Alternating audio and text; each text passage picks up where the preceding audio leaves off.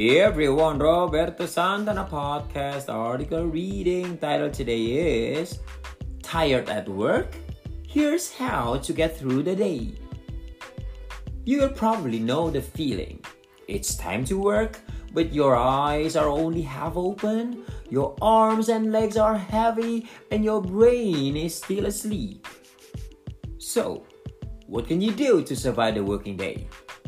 Here are a few tips. Of course, there are some jobs that you just can't do if you're tired. The only safe answer is to stay in bed. Tip number one start with small things. Setting small goals for yourself is a good idea, whether you're tired or not. But it's even more important when you're fighting sleep. On these days, you may find it extra hard to be productive. So, try starting with some easy jobs that don't need too much brain power. This may help you to get your brain in the mood for more difficult work. Number two, get moving. Try doing a little bit of exercise. It improves oxygen circulation in your body, which should give you some more energy. It doesn't need to be anything difficult. Maybe a few push ups or a short walk either before work or during a break.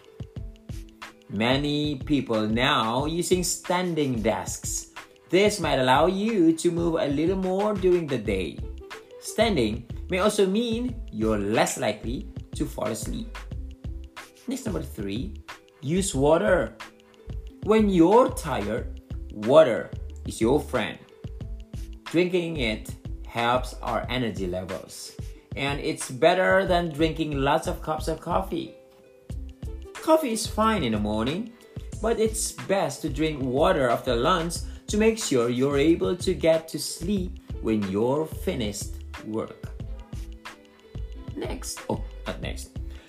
A cool shower or even splashing some water on your face can also help wake you up.